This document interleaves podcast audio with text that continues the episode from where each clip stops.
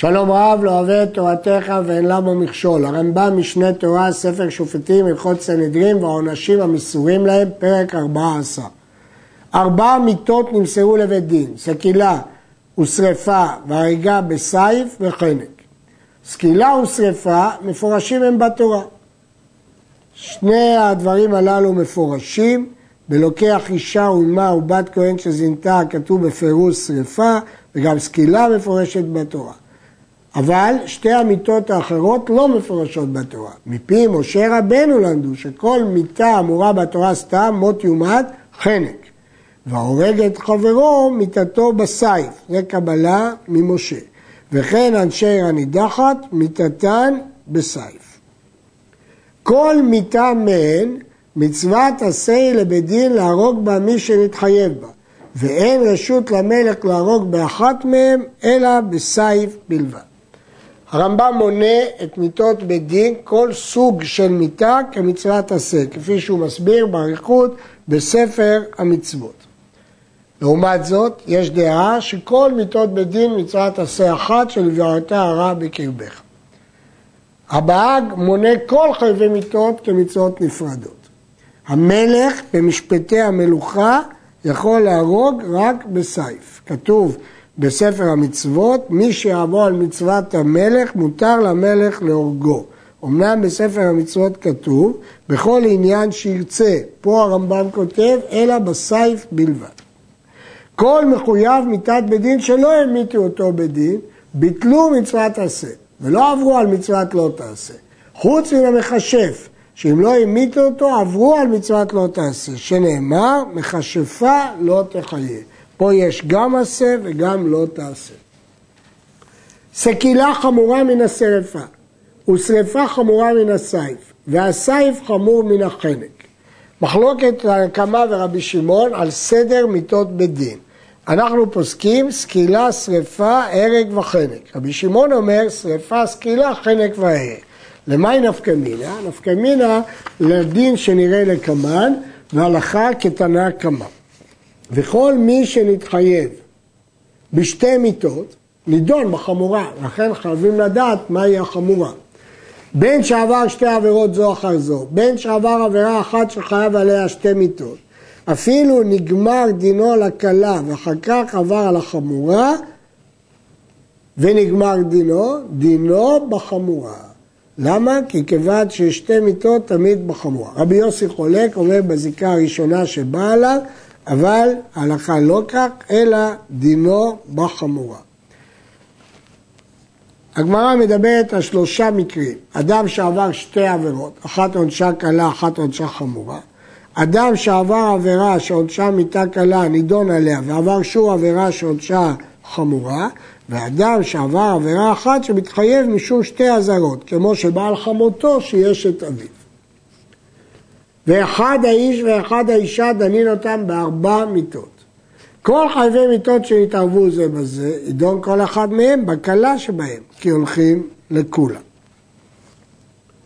מי שנגמר דינו, שנתערב עם שאר העם ולא נודע מי הוא מאלו, או מי שלא נגמר דינו, שנתערב במי שנגמר דינו ולא נודע מי הוא, כולם פטורים, לפי שאין גומרים דינו של אדם אלא בפניו. כיוון שאי אפשר לגמור דינו אלא בפניו ואי אפשר לזהות מי שנגמר דינו, אין ברירה אלא פותרים את כולם. אמנם ברוצח שלא נגמר דינו, שהתערב ברוצחים שלא נגמר דינם, אוסרים את כולם. מי שעמד על נפשו ולא יכלו בדין לאסור אותו עד יטעו במיטה שהוא חייב בה, לא הצליחו, הוא בורח מהם, הורגים אותו עדיו בכל מיטה שיכולים להמית אותו בה, מאחר שנגמר דינו. כיוון שנגמר דינו ואין דרך להרוג אותו בדרכים הרגילות, הורגים אותו בכל דרך. ואין רשות לשאר העם להמית אותו תחילה. לפיכך אם נקטעה יד העדים, פטור, כי אין פה עדים. ואם היו העדים גדמים מתחילה, ייהרג ביד אחרים, זה מה שכתוב, ויד כל העם באחרונה. במה דברים אמורים בשאר מחויבי מיתות בית דין חוץ מן הרוצח? אבל הורג נפש שנגמר דינו, או רודפים אחריו בכל דבר וביד כל אדם עד שממיתים אותו. פה אין קדימויות. מות יומת המכה, רוצח הוא. אז יש פה ריבועים, הורגים אותו בכל מיטה. אפשר להרוג אותו בכל דרך.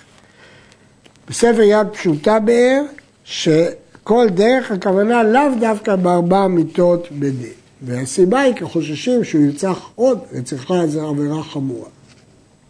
כל הרוגי בית דין, אין קוברים אותן בקברות אבותיהם בכלל ישראל, אלא שתי קברות מתקנים להם בית דין, אחת לנסכלים ולנשרפים, ואחת לנהרגים ולנחנקים, ודבר זה הלכה מפי השמועה. גמרא אומרת, גמרא גמירה לזה. אין לזה ראייה ולא סמך בכתוב, אלא קבלה בלבד. נתעכל הבשר, היו מלקטין את העצמות וקוברים אותם בקברות אבותיהם. למה? כי כשהתעכל הבשר הושלמה כפרתם. כך מסביר הרמב"ם בפירוש המשנה ויכולים לבוא בקבר ישראל. ויש לקרוביהם לעשות להם ארון ותכריכים כי כבר התכפרו. צריכים בית דין להתיישב בדיני נפשות ולהמתין ולא יאיצו. וכל בן דין שהרגו נפש בשבע שנים הרי אלו חבלנים.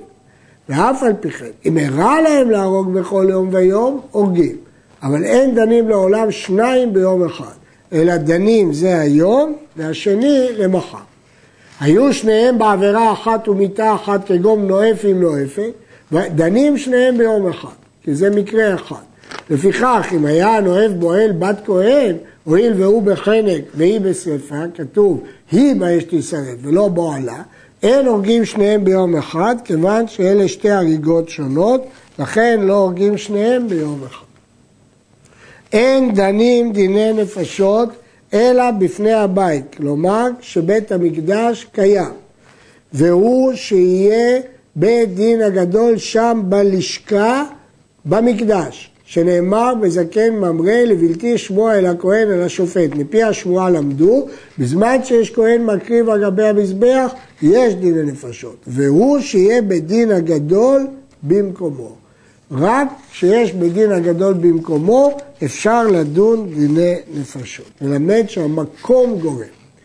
בתחילה כשנבנה המקדש היו בדין הגדול יושבים בלשכת הגזית שהייתה בעזרת ישראל והמקום שהיו יושבים בו חול היה שאין ישיבה בעזרה אלא על מלכי בית דוד וכשנתקלקלה השורה גלו ממקום למקום ולעשרה מקומות גלו וסופם לטבריה ומשם לא עמד בדין גדול עד עתה, וקבלה היא שבטבריה עתידים לחזור תחילה, ומשם נעתקים למקדש.